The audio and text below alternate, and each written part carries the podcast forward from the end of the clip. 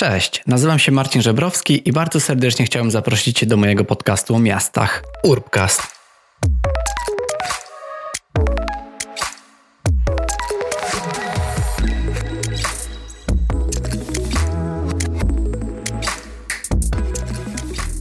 Cześć, witajcie w kolejnym odcinku mojego podcastu. Jest to kolejny odcinek podcastu, do którego zaprosiłem gościa.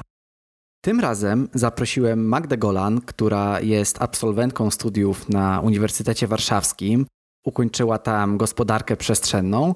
No i jest to tak naprawdę kierunek, który nas poniekąd połączył. To tam właśnie na uniwersytecie się poznaliśmy. No i tam wspólnie zapałaliśmy miłością do miast, ale także do podróży, przez co mieliśmy okazję tworzyć razem różne warsztaty urbanistyczne dla studentów, ale nie tylko. Dzisiaj rozmawiamy z Magdą o cohousingu, ponieważ Magda zajmowała się cohousingiem i badała go na potrzeby swojej pracy magisterskiej. I dzięki temu, że udało jej się wyjechać na wymianę zarówno do Szwecji, jak i Danii, gdzie cohousing jest dość popularny, to miała przyjemność i możliwość badania skandynawskich cohousingów i właśnie między innymi o to dzisiaj będę ją pytał.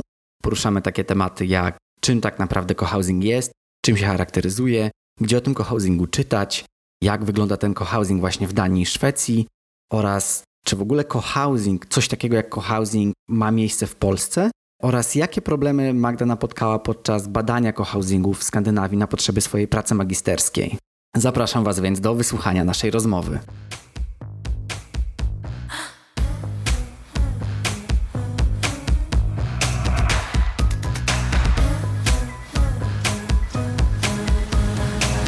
Dzisiaj moim gościem jest Magda Golan, z którą porozmawiamy o cohousingu, tym polskim, ale nie tylko polskim. Cześć Magda. Cześć Marcin. Czy mogłabyś się krótko przedstawić i też powiedzieć, czym się zajmujesz? Więc ja w 2017 roku skończyłam e, gospodarkę przestrzenną na Uniwersytecie Warszawskim. Kończyłam studia licencjackie dwa lata wcześniej, a magisterkę robiłam na specjalizacji urbanistyka i regionalistyka. Później pracowałam e, przez pewien Fundacji Pole Dialogu. To jest warszawska fundacja zajmująca się m.in. partycypacją społeczną.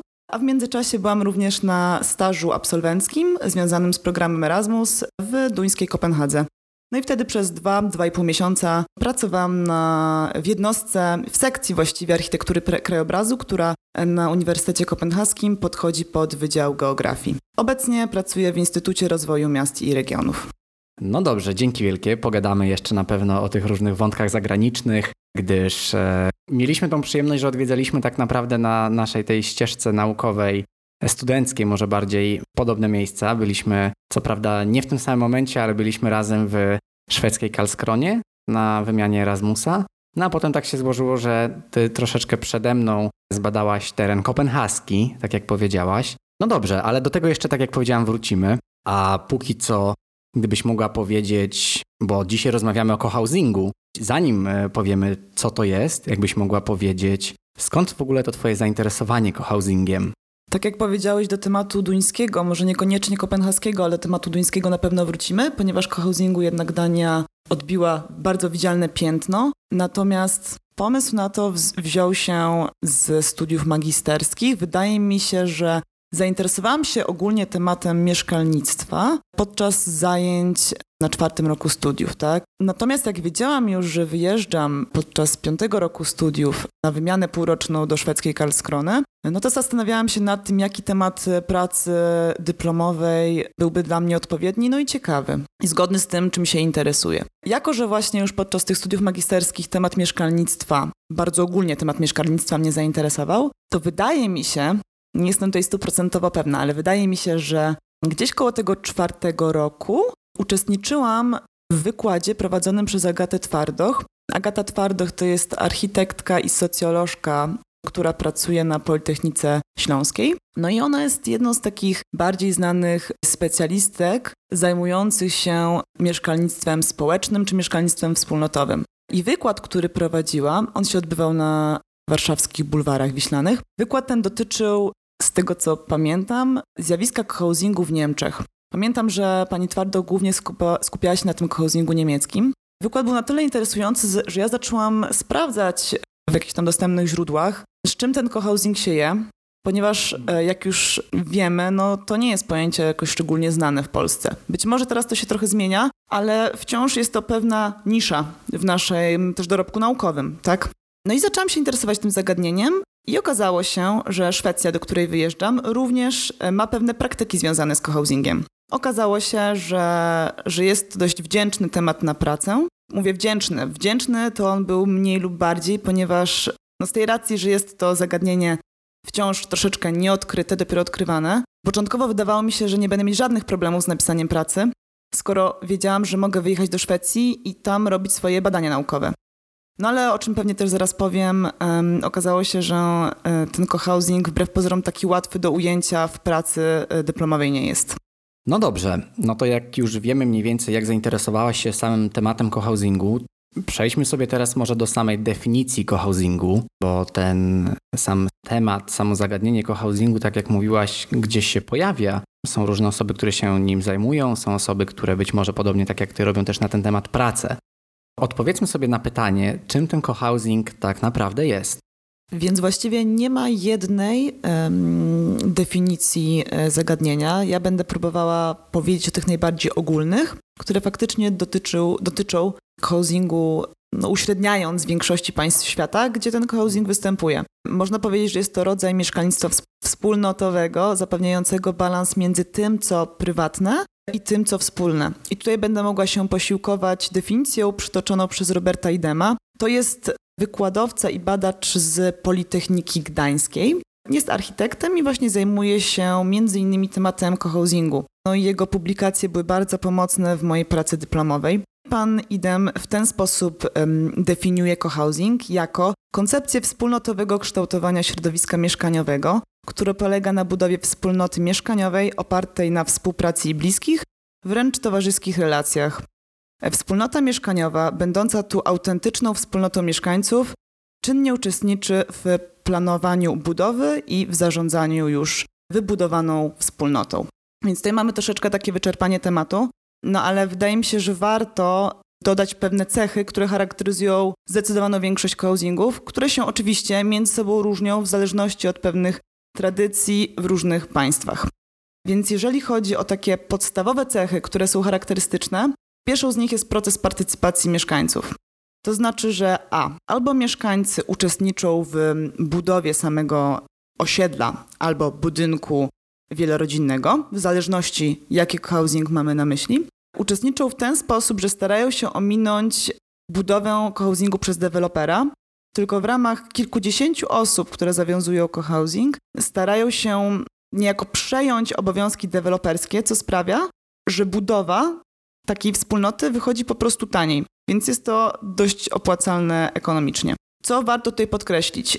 W początkowych takich prakohousingach duńskich czy holenderskich mieliśmy zawsze do czynienia z budową nowego housingu, tak? Czyli mieliśmy taką pracę u podstaw pracy od zera. Mm, natomiast coś, co jest teraz dość widoczne, to jest to, że często cohousing nie jest budowany od zera, ale często na cohousing adaptuje się istniejący budynek. I to są ciekawe przykłady, które możemy zaobserwować bodajże w Niemczech obecnie. Kolejną ważną cechą jest jednoczesne zapewnienie prywatności i integracji sąsiedzkich. No i to jest coś, o czym już pan Idem y, mówił. Z tej racji, że w cohousingu mieszkania są prywatne, ja to będę podkreślała, to jest bardzo ważne, że mieszkania są prywatne, Natomiast one są odpowiednio o jakieś 10-20% mniejsze niż takie klasyczne mieszkania, o których my myślimy, bądź klasyczne domy, o których myślimy na co dzień. To jest 10-20% ze względu na to, że po prostu ten procent przechodzi na przestrzenie wspólne. Co może należeć do tych przestrzeni wspólnych? Na przykład jadalnie, wspólne dodatkowe kuchnie, gdzie właśnie można przygotować posiłek dla grupy kilkudziesięciu osób, wspólne pralnie, wspólne czytelnie, jakieś powiedzmy tak ogólnie, nie wiem, pokoje zabaw, gdzie jest na przykład ping-pong czy bilard. Są nawet pokoje do opieki nad dziećmi. To jest akurat dość powszechne, wydaje mi się, w państwach mm, skandynawskich. Również ważne są elementy y, udogo znaczy udogodnienia, które mogą być na zewnątrz budynków. No to jeżeli mamy osiedle domków cohousingowych, no to wtedy bardzo ważny jest wspólny plac zabaw, wspólny parking, y, wspólny ogród, i tak dalej. Kolejnym, wydaje mi się, bardzo ważnym elementem charakteryzującym praktycznie każdy housing jest zarządzanie wspólnotą realizowane przez mieszkańców. I to często to zarządzanie polega na osiągnięciu konsensusu podczas spotkań wspólnoty, które odbywają się mniej więcej raz w miesiącu. No to jest bardzo też trudne do osiągnięcia, bo jeżeli chcemy, by praktycznie większość mieszkańców uczestniczyła w, w takich spotkaniach, mówimy o osobach dorosłych bądź osobach nastoletnich, no bo wiadomo, że małe dzieci no już w mniejszym stopniu mogą o takich rzeczach decydować. Ale jak mamy spotkanie takiej wspólnoty, no to chcemy, by wszyscy mieszkańcy zgodzili się na pewne zmiany w danej wspólnocie, które są proponowane. No i można sobie wyobrazić, że to jest generalnie bardzo trudne. To od razu wskazuje nam na pewien typ osób, które chcą w tym cohousingu mieszkać. Tak? To wskazuje nam tylko na to, że nie każdy mógłby w takiej wspólnocie wytrzymać. Jeżeli dla niego ta sfera prywatna, taka mocna prywata jest wyjątkowo ważna, no to może mieć problem z adaptacją w takim miejscu. Czwartym elementem, który charakteryzuje cohousing jest niehierarchiczna struktura mieszkańców, co oznacza, że wszyscy są wobec siebie równi, jeżeli chodzi o swój głos dotyczący zarządzania cohousingiem. Ale oczywiście cohousing musi być na zewnątrz reprezentowany. No i nie jest możliwe, żeby kilkadziesiąt osób, czy nawet, no czasami nawet kilkaset jest w cohousingu, tak? Nie jest możliwe, żeby wszyscy reprezentowali cohousing, więc często wyznaczane są osoby, które reprezentują wspólnotę i na przykład stoją na czele stowarzyszenia, które tworzy cohousing. No i wiadomo, że ta osoba jest w jakiś sposób najbardziej odpowiedzialna za wspólnotę. Natomiast na ile to jest możliwe, wciąż cohousing stara się być jak najmniej hierarchiczny, nawet pod tą postacią również stowarzyszenia. I ostatnim bardzo ważnym elementem jest to, że w cohousingu każdy mieszkaniec ma odrębne, odrębne źródła mm, dochodu. To należy podkreślić, że cohousing nie jest komuną hipisowską. Z czym również się spotykałam, rozmawiając nawet ze znajomymi, którzy pytali mnie, czym jest cohousing. No to jak się usłyszało o tym, że to jest jakieś tam mieszkalnictwo wspólnotowe, że mamy część prywatną i część wspólną, no że to jest komuna. Nie, to nie jest komuna hipisowska. W komunie hipisowskiej praktykowane jest to, że tej własności prywatnej również pod względem mieszkania nie ma. Tutaj mamy część prywatną i część wspólną. Więc wydaje mi się, że te cechy najlepiej charakteryzują housingi, a coś, czym się te housingi różnią, to jest na przykład rodzaj, rodzaj mieszkalnictwa, jeśli chodzi o architekturę i urbanistykę, ponieważ mamy jednocześnie domy prywatne tworzące bardzo małe, takie mikroosiedla, jak również budynki wielorodzinne. Coś, co jest bardzo różne w zależności od państwa, to jest struktura własności, bo mamy często jakieś formy, mamy czasami formy własności, a czasami mamy formy najmu albo jakieś hybrydy własnościowe połączone z najmem. No to jest, mówię, bardzo charakterystyczne dla, dla Szwecji akurat. I wydaje mi się, że to są takie dwie rzeczy, które no, są najbardziej kontrastujące, jeśli chodzi o cohousing w poszczególnych państwach.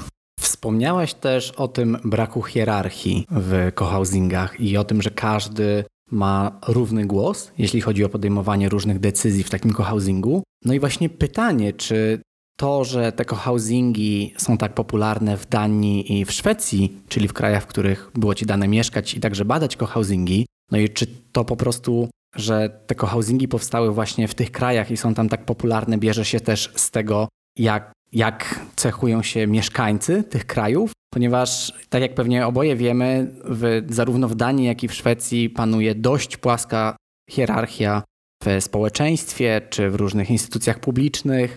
Tak jak też wspomniałem w swoim podcaście wcześniej, studiując w Szwecji, zwracasz się do swojego profesora zawsze na ty, nawet jeśli jest osobą starszą. Więc jakby tak naprawdę nie ma tej struktury i rzeczywiście te głosy w społeczeństwie są bardzo często równe. I pytanie, czy to sprzyjało właśnie takiemu rozwojowi cohousingu, szczególnie w Danii i w Szwecji? Od razu powiem o jednej rzeczy. Jak powiedziałeś, że się cieszy popularnością, no to z tą popularnością to jest bardzo różnie.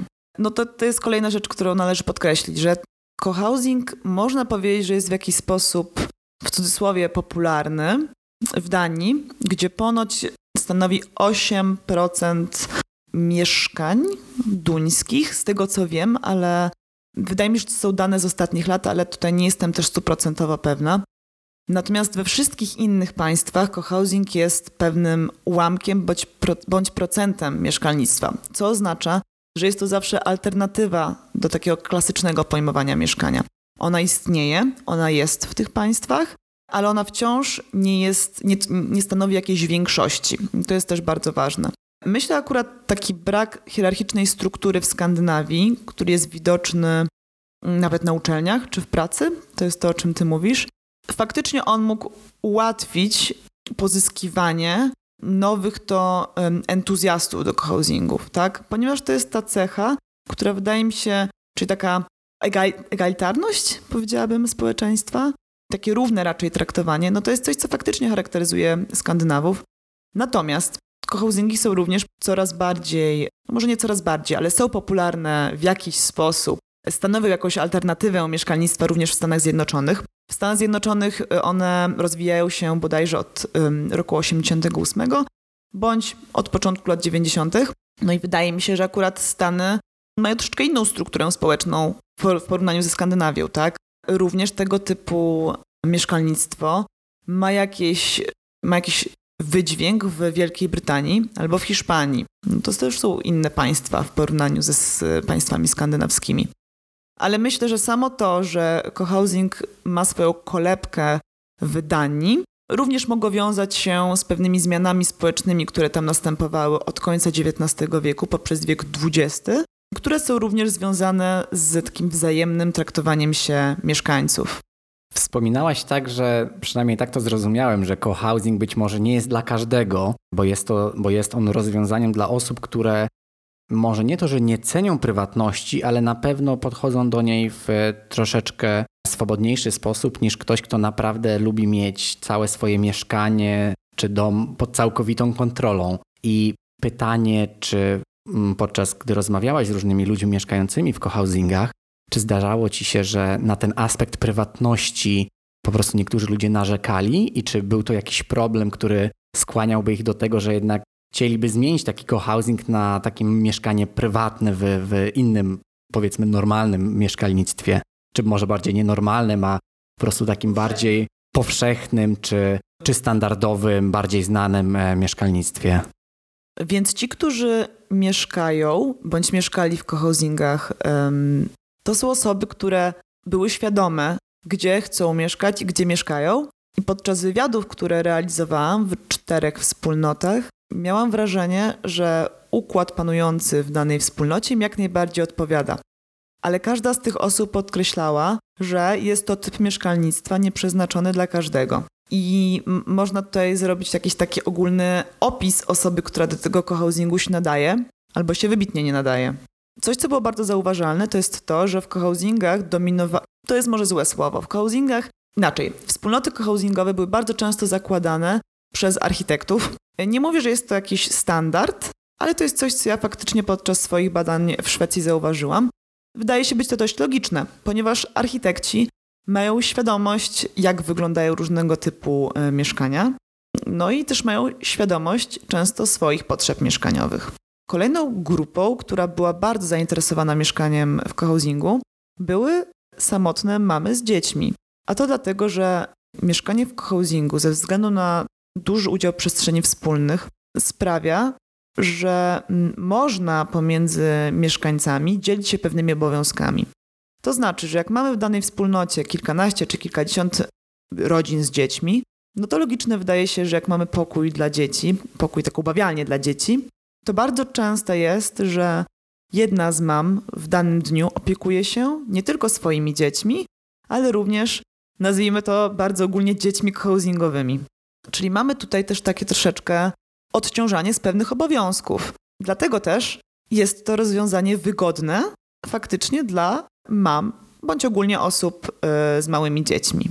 No coś, co jest bardzo ważne, to jest to, że każda osoba, która chce mieszkać w housingu, ona musi mieć tą świadomość tego, że oddaje część swojej prywatności, ale podkreślam, to jest część prywatności, tak? Cały czas każdy, jak chce, ma własne, własne cztery kąty. Tyle tylko, że również ze względu na no, taki społeczny charakter housingu, nie tylko dana osoba, która zaczyna mieszkać w takiej wspólnocie, jest zobowiązana do uczestnictwa raz w miesiącu w spotkaniach housingowych dotyczących, nazwijmy to, zarządzania nieruchomością, ale jest również zobowiązana do uczestnictwa w pewnych aktywnościach, to znaczy na przykład we wspólnych kolacjach, I takie wspólne kolacje wszystkich mieszkańców mogą się odbywać raz w tygodniu, mogą się odbywać raz na dwa tygodnie, raz w miesiącu. I również mieszkańcy są w miarę swoich możliwości zobowiązani do tego, by w tego typu aktywnościach uczestniczyć, bo coś, co przyświeca housingowi, to jest to, by tą społeczność faktycznie tworzyć, by te relacje sąsiedzkie były w takim housingu bardzo ważne. Więc wydaje mi się, że to jest coś, co nie jest akceptowalne dla wszystkich. Powiedziałabym nawet, że tego typu typ mieszkalnictwa zawsze będzie przyciągał pewną mniejszość. Ale to jest zawsze ta mniejszość, która jest pewna tego, czego chce od, od, od swojego miejsca zamieszkania. Jestem również bardzo przeciwna jakimś takim skrajnym słowom mówiącym, że to jest totalna przyszłość teraz w państwach europejskich. Myślę, że to wciąż będzie rozwiązanie niszowe, a coś, co się może faktycznie wiązać ze wzrostem popularności, to jest cohousing senioralny. Z tej racji, że jesteśmy jako Europejczycy społeczeństwem mniej lub bardziej starzejącym się. Dlatego też e, cohousingi senioralne zdobywają faktycznie coraz większą popularność w, w Danii. Z tej racji, że mamy już tam również dość, no powiedzmy sobie szczerze, stare społeczeństwo. I bardzo często zdarzają się sytuacje, że dzieci niekoniecznie mogą się zajmować rodzicami na starość, a te starsze osoby również potrzebują bliskości drugiej osoby czy jakichś rozwiniętych bardziej relacji międzyludzkich. I dla takich osób, wydaje mi się, cohousing faktycznie może być idealnym rozwiązaniem po, nie wiem, 70, 80. No właśnie, dobrze, że poruszyłaś temat tych cohousingów senioralnych, bo chciałem się też ciebie zapytać, jak to jest z grupami wiekowymi? Czy jest tak, że w takim cohousingu, czy w cohousingach, które badałaś też w Skandynawii, czy to jest tak, że pewna grupa wiekowa dominuje, jeśli chodzi o mieszkańców tych cohousingów? Czy takim przykładowym mieszkańcem jest na przykład rodzina z, z małymi dziećmi, czy są to właśnie osoby starsze, czy może w ogóle, może nie chodzi o wiek, może chodzi o to, że są to osoby, które czują się samotnie. Więc jakbyś mogła może też tak powiedzieć pokrótce, jak to wygląda, jeżeli chodzi o takiego typowego mieszkańca, czy może jakieś takie grupy, które dominują? Czy w ogóle jest taka grupa, czy, czy jest to raczej jednak różna, powiedzmy, suma czy zbieranina osób z naprawdę różnych grup wiekowych, różnych grup społecznych? W swoim założeniu, jeżeli jest e, wspólnota zawiązująca się, tak? Czyli powiedzmy, że mamy jakąś e, grupkę osób, która ogłasza to, że chce stworzyć cohousing, no to z samej definicji bardzo ważna jest różnorodność mieszkańców. I to jest też ogłaszane, że dana grupa stara się zebrać jak najbardziej różnorodną grupę wiekową, jak również grupę pod względem płci, zainteresowań czy wykształcenia bądź pracy. Natomiast to nie jest jakoś tam robione w sposób ankietowy, tak, że odrzucamy automatycznie wszystkie osoby po, e, nie wiem, wszystkich studentów, mm, jeżeli mamy już zbyt duży ten współczynnik studentów w danej grupie, który się nam zgłosił. Natomiast ta struktura wiekowa, ona jest dość płynna, ona może być bardzo różna. Natomiast to, co ja zauważyłam, to jest to, że faktycznie występuje pewna różnorodność wiekowa. To znaczy, faktycznie w cohousingach, które ja odwiedzałam, były osoby w różnym wieku. Były małe dzieci, tak, no siłą rzeczy, jeżeli tam były rodziny w wieku 30-45 lat, no to były też te małe dzieci. Były dzieci większe, byli nastolatkowie, którzy już dorastali w cohousingu. Zdarzali się studenci, ponieważ dla studentów cohousing jest również całkiem pożądaną formą mieszkalnictwa. Ponieważ no, z definicji studenci są przyzwyczajeni do tego, że często mieszkają w mieszkaniach wynajmowanych z obcymi osobami albo ze znajomymi, albo mieszkają w akademikach. Więc to dla studentów w ogóle nie jest nowość, tak? I wydaje mi się, że jest to y, zupełnie akceptowalne dla wielu studentów. Mamy grupę osób dorosłych, o których powiedziałam, i również w takich bardzo, w takich typowych housingach mamy y, osoby starsze. Oczywiście starsze do pewnego wieku, tak? No, no wiadomo, że już osób powiedzmy 90-letnich plus będzie coraz mniej siłą rzeczy. Ale ja pamiętam, że w housingu, który odwiedzałam bodajże w Lund, była starsza pani, właśnie około lat 90, mieszkająca w housingu od praktycznie początku jego powstania, a to było jakieś 25-30 lat. I ona tam mieszkała sama, to znaczy ona nie mieszkała tam z własną rodziną. Jej rodzina, jej dzieci nie mieszkały tam, a ona stwierdziła, że tam jest dobrze i miała widać świetny kontakt z sąsiadami, którzy byli często sporo młodsi. jak również miała naprawdę świetny kontakt z tymi cohousingowymi dziećmi. Więc widać było, że no jest taka bardzo przyjemna i taka potrzebna wymiana pokoleniowa tam, tak? Więc wydaje mi się, że jest to miejsce, cohousing zbiera ludzi w różnym wieku. No chyba, że e, myślimy tutaj o stricte housingu powiedzmy takim tematycznym, czyli housingu senioralnym, gdzie z definicji poszukuje się osób na przykład 60 plus. Jak w ogóle zostać członkiem takiego cohousingu? Mówiłaś, że często jest, jeśli zawiązuje się taki, taki, taka inicjatywa cohousingowa, to są pewne, może nie wytyczne, ale są jakby pewne założenia, e, kim dane osoby, które chciałyby zamieszkać w tym, w tym powinny być. Jeśli ja chciałbym w takim cohousingu zamieszkać, to co muszę zrobić? Czy muszę przejść przez jakiś casting?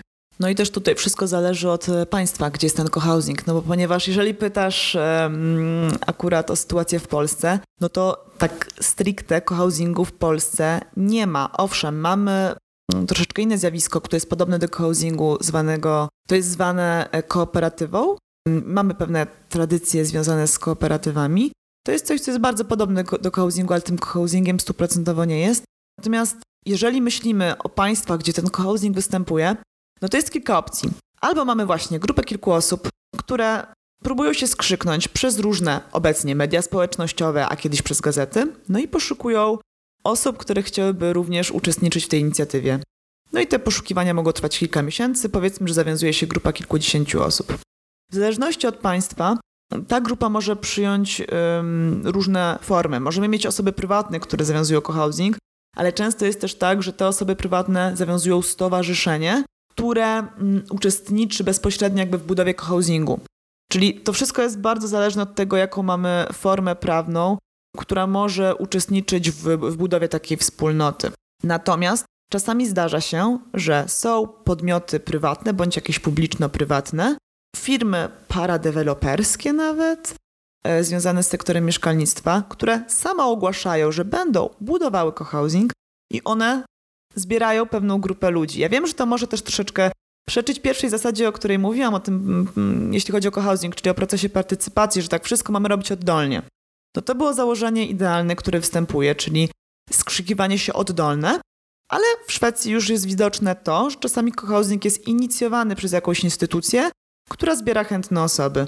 No i tak jak powiedzieliśmy już sobie, te chętne osoby muszą być świadome tego, jak housing wygląda, czym jest, no jeżeli mamy w housingu, załóżmy, nie wiem, początkowym 30-40 mieszkań, no to mamy ograniczoną liczbę osób, która może tam mieszkać. I faktycznie wtedy możemy, mm, wtedy możemy nazwać to pewnego rodzaju castingiem, e, który jest prowadzony na zasadzie pewnej różnorodności mieszkańców, o której ja wcześniej mówiłam ale to jest też wszystko właśnie zależne od danego e, housingu. Kiedyś myślałam, że to nie zdarza się zbyt często, żeby te housingi były aż tak obłożone ludźmi, no ale na przykład w Sofilunds to był bardzo wdzięczny przykład housingu, który znajduje się w Malmo, w Szwecji w Malmo. Z tego co wiem, tam mieszkało około 150-200 osób, jeśli się nie mylę. Natomiast początkowo chętnych było dużo więcej i wtedy robi się tak zwana lista rezerwowa. I wiadomo, że jest pewna rotacja. Owszem, wiele osób w cohousingu mieszka latami, no ale zdarzały się sytuacje, że mieszkania się zwalniają i wtedy rotacyjnie na zasadzie tego, kto był na tej liście rezerwowej, to dana osoba bądź rodzina może, kolokwialnie mówiąc, wskoczyć do danego mieszkania. Tyle tylko, że faktycznie może być tak, że zwalnia się mieszkanie czteroosobowe, a mamy jedną osobę, która jest następna na tej liście housingowej, no to wtedy wiemy, że to jest troszeczkę nieopłacalne oferowanie tej osobie e, mieszkania czteroosobowego, tak? Więc patrzymy na tej liście rezerwowej, jakie mm, rodziny byłyby faktycznie zainteresowane mieszkaniem w mieszkaniu czteroosobowym. Więc tak to się mniej więcej odbywa. Natomiast to jest też bardzo zależne od, y, od miejsca, od państwa, y, w którym ten cohousing jest inicjowany. Mówiłaś o ciekawej rzeczy, nawet e, nie wiedziałem tego, a mieszkałem w Malmę, czyli Sofilund, gdzie pamiętam, że, do, mm, że biegałem wiele razy dookoła i naprawdę ta dzielnica była bardzo zielona. Tak, więc, więc, więc właśnie wydaje mi się, że, że nawet nie zdawałem sobie sprawy z tego, że byłem na terenie lub, lub gdzieś tam niedaleko takiego cohousingu wiele razy, właśnie odkrywając Malmę, biegając e, po, po różnych dzielnicach. Natomiast wróćmy jeszcze do tematu tego cohousingu w Polsce. Powiedziałaś, że w Polsce taką formą są kooperatywy mieszkaniowe. Gdybyś mogła jeszcze powiedzieć w kilku słowach tak naprawdę, jak takie ko kooperatywy mieszkaniowe w Polsce wyglądają. Chodzi mi też o to, czy ta kooperatywa mieszkaniowa, która jest w Polsce, czy ona może być, czy ona jest takim pewnym rodzajem cohousingu na, na terenie naszego kraju, czy jest to jednak coś innego? Czyli czy, czy są jakieś różnice między tego typu mieszkalnictwem w Polsce, a na przykład w Danii czy w Szwecji? No jeśli chodzi w ogóle o kooperatywy, mm, to wydaje mi się, że pierwsze takie zalążki kooperatyw to już były widoczne w Polsce przed II wojną światową, e, czyli w II Rzeczpospolitej. Coś, co jest ważne, w ogóle musimy to właśnie odróżnić w jakiś sposób. E, kooperatywa jest w pewien sposób podobna do cohousingu, ale tym cohousingiem nie jest. A to dlatego, że w kooperatywie jest największe zaangażowanie członków na etapie budowy, czyli stwarzania e, danej społeczności, danego rodzaju mieszkalnictwa. Ja bym to bardzo kooperatywie jednak wiązała z tym etapem budowy i no z taką tą kwestią materialną posiadania mieszkania. Natomiast jest w nich mniejsze zaangażowanie na etapie już zarządzania nieruchomością. I częściej, wydaje mi się, występuje hierarchiczna struktura, czyli pewien zarząd. Więc już widzimy, mamy coś, co troszeczkę to odróżnia od cohousingu. I coś, co jest ważne, w Polsce cohousing nie ma jeszcze żadnej formy prawnej. A kooperatywa e, również nie ma czegoś takiego w prawie jak stricte kooperatywa mieszkaniowa, natomiast kooperatywy zazwyczaj przyjmują strukturę spółki cywilnej o porozumieniu współpracy na etapie budowy bądź wspólnoty mieszkaniowej na etapie zarządzania nieruchomością właśnie. Więc kooperatywa stara się wejść w te prawne struktury, które obowiązują w Polsce. Co jest bardzo ciekawe, od kilku lat, w sumie jak bumerang, powraca temat tego, by kooperatywa mieszkaniowa na stałe zagościła w polskim prawodawstwie. Więc mam nadzieję, że w przeciągu kilku lat kooperatywa będzie faktycznie obecna w polskim prawie i będziemy już wiedzieli, czym to dokładnie jest, z czym to się je, w jaki sposób kooperatywa może wziąć kredyt, czy tego kredytu nie może wziąć, jak ona w ogóle ma funkcjonować na rynku mieszkaniowym. Teraz, tak jak powiedziałam, ona przyjmuje pewne formy, natomiast są takie troszeczkę formy zastępcze, tak? I kooperatywy, z tego co wiem, w ostatnich latach zawiązywały się na przykład na Pomorzu, w Gdyni, jeżeli się nie mylę, w Gdyni, w Gdańsku, gdzieś na pewno w Trójmieście bądź w okolicach Trójmiasta. Tyle tylko, że tak jak y, przed chwilą powiedziałam, kooperatywy zazwyczaj zawiązują się z pobudek czysto ekonomicznych, by tańszy był proces budowy danego osiedla bądź budynku. Natomiast tutaj dużo mniej ważne są te relacje społeczne, a te relacje społeczne są właśnie ważne w typowych housingach. Dlatego też można powiedzieć, że na ten moment 2020 rok, lipiec, wydaje mi się, że nie mamy jeszcze tak naprawdę typowego przykładu housingu w Polsce. Robiłaś badania odnośnie cohousingu zarówno w Szwecji, jak i w Danii. I chciałem Cię właśnie zapytać o to, jak te Twoje badania wyglądały, jak one przebiegały, no i czy podczas tych badań pojawiły się jakieś nieoczekiwane problemy. Jeżeli chodzi o moją pracę magisterską, to dotyczyła ona ogólnie idei oraz rozwoju cohousingu szwedzkiego. Owszem, musiałam się początkowo odnieść do e, historii samego cohousingu, która ma swoje takie najważniejsze, e, najważniejsze założenia cohousingu wywodzą się z Danii. Więc o tej Danii faktycznie musiałam sporo pisać. Jednakże cohousing szwedzki rozwijał się niejako niezależnie od, swoich, od swojego duńskiego odpowiednika. Jeżeli chodzi o same, samą tematykę badawczą, to ja zajmowałam się głównie relacjami sąsiedzkimi w poszczególnych wspólnotach. To znaczy, jak wielkość danej wspólnoty, rozumiana przez i wielkość budynku bądź budynków, bądź osiedla, również jak liczba mieszkańców wpływa na relacje między sąsiadami, między osobami, które w tym housingu mieszkają. Więc głównym elementem mojej pracy badawczej było e, zrobienie ankiet z tak zwanymi przedstawicielami e, cohousingów, jak również odwiedzałam poszczególne wspólnoty, by robić taką ogólną inwentaryzację. I zrobiłam to w czterech miejscach w Szwecji. To były dwa, um, dwa cohousingi znajdowały się w Lund, jeden cohousing znajdował się w Malmo, a jeden w miejscowości Wekho. Co było najtrudniejsze? Brak polskiej literatury.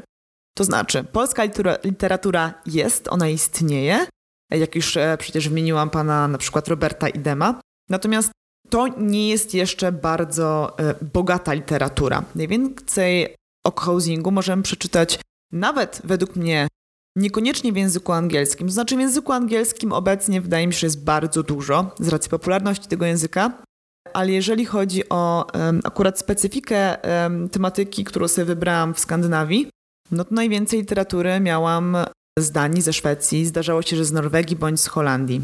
I czasami bardzo trudno okazywały się tłumaczenia, zwłaszcza jeżeli mieliśmy do czynienia z jakimiś formami prawnymi, które nie występują w Polsce.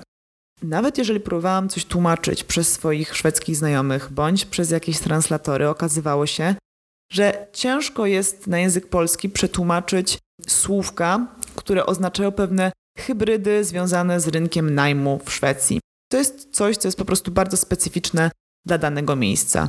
Więc wydaje mi się, że to stanowiło chyba największy problem, jak również taka niemożność zrobienia idealnego badania socjologicznego mm, we wspólnotach, e, ponieważ ja nie byłam w stanie niestety w tamtym momencie, kilka lat temu, mm, zrobić badania wśród wszystkich mieszkańców danej wspólnoty. Musiałam więc wybierać pewnych reprezentantów.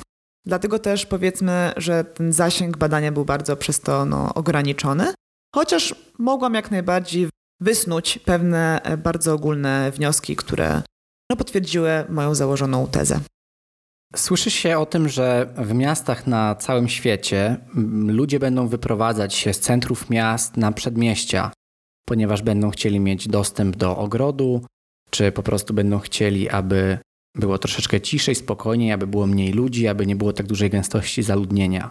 Czy jak pandemia zmieni cohousing? I tutaj pytam oczywiście bardziej o Twoje odczucia, ponieważ wiem, że no bardzo ciężko jest przewidywa, przewidywać takie takie trendy i zmiany w, o, ogólnie w mieszkalnictwie. No ale właśnie, czy to jest tak, że pan, sama pandemia kwarantanna czy, czy różne inne rzeczy związane z taką pandemią są w stanie jakoś wpłynąć na cohousing, że być może zmniejszy się liczba osób, które jednak będzie chciała żyć, no jednak w jakiejś bliskości z innymi ludźmi, przez to, że na przykład będą obawiać się tej bliskości, żeby po prostu nie zostać zarażonym. No to jest pytanie trudne, na które nikt z nas jeszcze nie zna odpowiedzi. Natomiast jeśli miałabym e, Mm, z własnej perspektywy w jakiś sposób to prognozować. Wydaje mi się, że no tutaj ta pozycja housingu jako wciąż alternatywy mieszkaniowej, ona jest niezachwiana. To znaczy, jeżeli chodzi o kwestie związane z epidemią, no to jeżeli mamy cohousing, który składa się z kilku, kilkunastu czy kilkudziesięciu domostw, które skupiają się w jedno osiedle, które mają udogodnienia zewnętrzne, bądź udogodnienia w tak zwanym domu wspólnym, o czym wcześniej chyba nie mówiłam, no to jak mamy takich mieszkańców domów prywatnych, to siłą rzeczy mieszkańcy domów prywatnych, jeżeli nie chcą, nie muszą mieć większych relacji z swoimi sąsiadami. Więc jeżeli mamy osiedle domów prywatnych, to ten problem właściwie nie powinien istnieć, tak? To znaczy, cohousing jest w stanie przetrwać pandemię, jeżeli myślimy o tym cohousingu um, domów prywatnych. Natomiast faktycznie może pojawić się pytanie dotyczące tego, jeżeli mamy e, dotyczące tego, w jaki sposób pandemie mogą wpłynąć na housingi, które mają taką formę budynku wielorodzinnych. I tutaj faktycznie wydaje mi się, że część osób może mieć pewne wątpliwości, może się tego bać, no ale powiedzmy sobie szczerze, jeżeli nie jesteśmy pustelnikami, to tak czy siak te relacje między współmieszkańcami w danym mieszkaniu czy między sąsiadami, one prędzej czy później pojawiają się wszędzie, nie tylko w cohousingach. Faktycznie w cohousingach one są większe, ale wydaje mi się, że również w sytuacji tego typu zagrożenia cohousing może wewnętrznie starać się również ograniczać pewne kontakty. Więc moim zdaniem, jeżeli pandemia nie będzie faktycznie, na co liczymy, stanem ciągłym, i już nie będziemy mieć więcej tego typu problemów z koronawirusem bądź z innymi e, wirusami, myślę, że nie powinno mieć to znaczącego wpływu ogólnie na, na zagadnienie cohousingu. Chciałem Cię jeszcze zapytać, jeśli ktoś, kto teraz nas słucha, chciałby właśnie dowiedzieć się czegoś więcej na, na ten temat, to gdzie może szukać tych informacji dostępnych po polsku? Czyli czy są to jakieś strony internetowe, czy być może jednak od momentu, kiedy skończyłaś pracę nad, swoją, nad swoimi badaniami, pojawiły się być może jakieś nowe pozycje. Generalnie, gdzie poleciłabyś szukać takich informacji na temat cohousingu? Jeżeli myślimy o tym cohousingu bardzo naukowo, no to e, po raz trzeci albo czwarty e, powiem o panu Idemie, czyli pan Robert Idem i jego publikacja Kształtowanie mikrośrodowiska jako miejsca wspólnoty. To jest publikacja, która wyszła bodajże w 2014 roku. I cohousing jest tylko jakimś drobnym elementem opisu e, mieszkalnictwa w tej książce. Natomiast ja bardzo polecam tę pozycję ogólnie osobom zainteresowanym rozwojem różnego typu mieszkalnictwa. Jest to, uważam, taka obowiązkowa lektura dla kogoś, kto tym mieszkalnictwem się interesuje. Druga pozycja obowiązkowa e, to jest powstała chyba w 1988 roku. Co-housing, a contemporary approach to housing ourselves. Mm, to jest pozycja, która jest chyba cały czas dostępna tylko w języku angielskim, chyba że coś się zmieniło i to jest przetłumaczone na język polski. To jest pozycja napisana przez Charlesa Dareca i Catherine McCommand. To była, to była para badaczy, która pojechała w latach 80. do Danii i badała zjawisko housingu duńskiego. I ciekawostka, to ta para zaczęła popularyzować nazwę cohousing, ponieważ wcześniej był bardziej znany no, w Danii odpowiednik duński, czyli Bojew, Bojfelskap, jeżeli dobrze to wymawiam. Więc niestety z samą nazwą cohousing to miało niewiele wspólnego. No my, my już znamy tą nazwę zaproponowaną przez tą dwójkę Amerykanów. Również mamy dość ciekawego badacza, mm, to był szwedzki architekt Westbro i wystarczy właściwie tego pana wygooglować, Google Scholarzy wpisać, czy w jakimś repozytorium naukowym. I będzie można zobaczyć kilka pozycji. Ten pan dość zwięźle pisze o takim ogólnie housingu europejskim. Jeżeli chodzi o jeszcze polecenie kogoś w Polsce, no to tak jak mówiłam, pani Agata Twardoch, również mamy panią Ziębę, pani Zięba, która pracuje, wydaje mi się, na Uniwersytecie Ekonomicznym w Krakowie i ma takie podejście, wydaje mi się też troszeczkę bardziej ekonomiczne, natomiast faktycznie w jej literaturze, w jej publikacjach ten housing jest również obecny. Natomiast jako, że faktycznie w ostatnich latach w internecie można o tym poczytać nieco więcej, to mogę polecić przyglądanie się poczynaniom takich fundacji jak na przykład Fundacja Blisko, która zajmuje się również tego typu zagadnieniami. Również firma ThinkCo, która robi raporty dotyczące różnego rodzaju mieszkalnictwa. No i mi się wydaje, że są takie dość pełne, również te, te instytucje już się parają cohousingiem, natomiast opisują go w taki troszeczkę bardziej też przystępny sposób, mniej naukowy, który może zainteresować też osobę niesiedzącą w ogóle czy w architekturze, czy w socjologii, czy w gospodarce przestrzennej. I to właśnie tam na Think.co można znaleźć Twoje artykuły dotyczące cohousingu, prawda? Tak, póki co jest jeden artykuł dotyczący samej idei zagadnienia, natomiast wydaje mi się, że pojawią się kolejne, które będą dotyczyły na przykład już historii, skąd ten cohousing się wziął, jak również myślę, że uda mi się coś napisać już stricte w temacie housingu szwedzkiego, czyli będę chodziła no, w takie dość mocne szczegóły tego zagadnienia. Być może ciężko jest mówić o pewnej tradycji, bo jesteś dopiero drugim gościem mojego podcastu, ale będę starał się każdego gościa zapytać o to, jaką książkę chciałby polecić. Dlatego też zadaję to pytanie i tobie. Jaką książkę ty byś mogła polecić? Niekoniecznie dotyczącą cohousingu, ale taką, która wywarła na tobie bardzo duże wrażenie i którą chciałabyś się podzielić? Mogę powiedzieć o jakiejś książce niezwiązanej z tematem, ale że ostatnio miałam styczność z książką dotyczącą mieszkalnictwa. Myślę, że mogę ją spokojnie z czystym sumieniem polecić. Jest to publikacja Agaty Twardoch, o której wcześniej już wspominałam. System do mieszkania, perspektywy rozwoju dostępnego budownictwa mieszkaniowego. Nie jest to pozycja, która stricte tutaj dotyczy housingu, natomiast ona taki dość przystępny sposób stara się powiedzieć o tym, z czym mierzy się teraz mieszkalnictwo w Polsce, jakie mamy problemy, no i co powinniśmy z tym mniej więcej zrobić. Jak również mamy bardzo ciekawe e, przykłady rozwiązań z innych państw. Więc jak najbardziej polecam tą książkę. No i tak jak powiedziałam wcześniej, że warto zerknąć na publikację pana Idema, to również myślę, że warto zerknąć na publikację pani Twardoch. Oczywiście książkę podlinkuję w opisie do naszego podcastu, tak aby ci, którzy poczuli się zainteresowani tą pozycją, mogli ją po prostu namierzyć łatwo i sprawdzić, a najlepiej przeczytać. A póki co, Magdo, a więc chciałem Ci bardzo serdecznie podziękować nie tylko za udział w moim podcaście, ale także za to, że mogłem Cię odwiedzić tutaj w Twoim mieszkaniu i że to Ty gościłaś mnie tak naprawdę, podczas gdy ja gościłem Cię w moim podcaście. Bardzo Ci dziękuję, było mi bardzo miło z Tobą rozmawiać. Również bardzo dziękuję.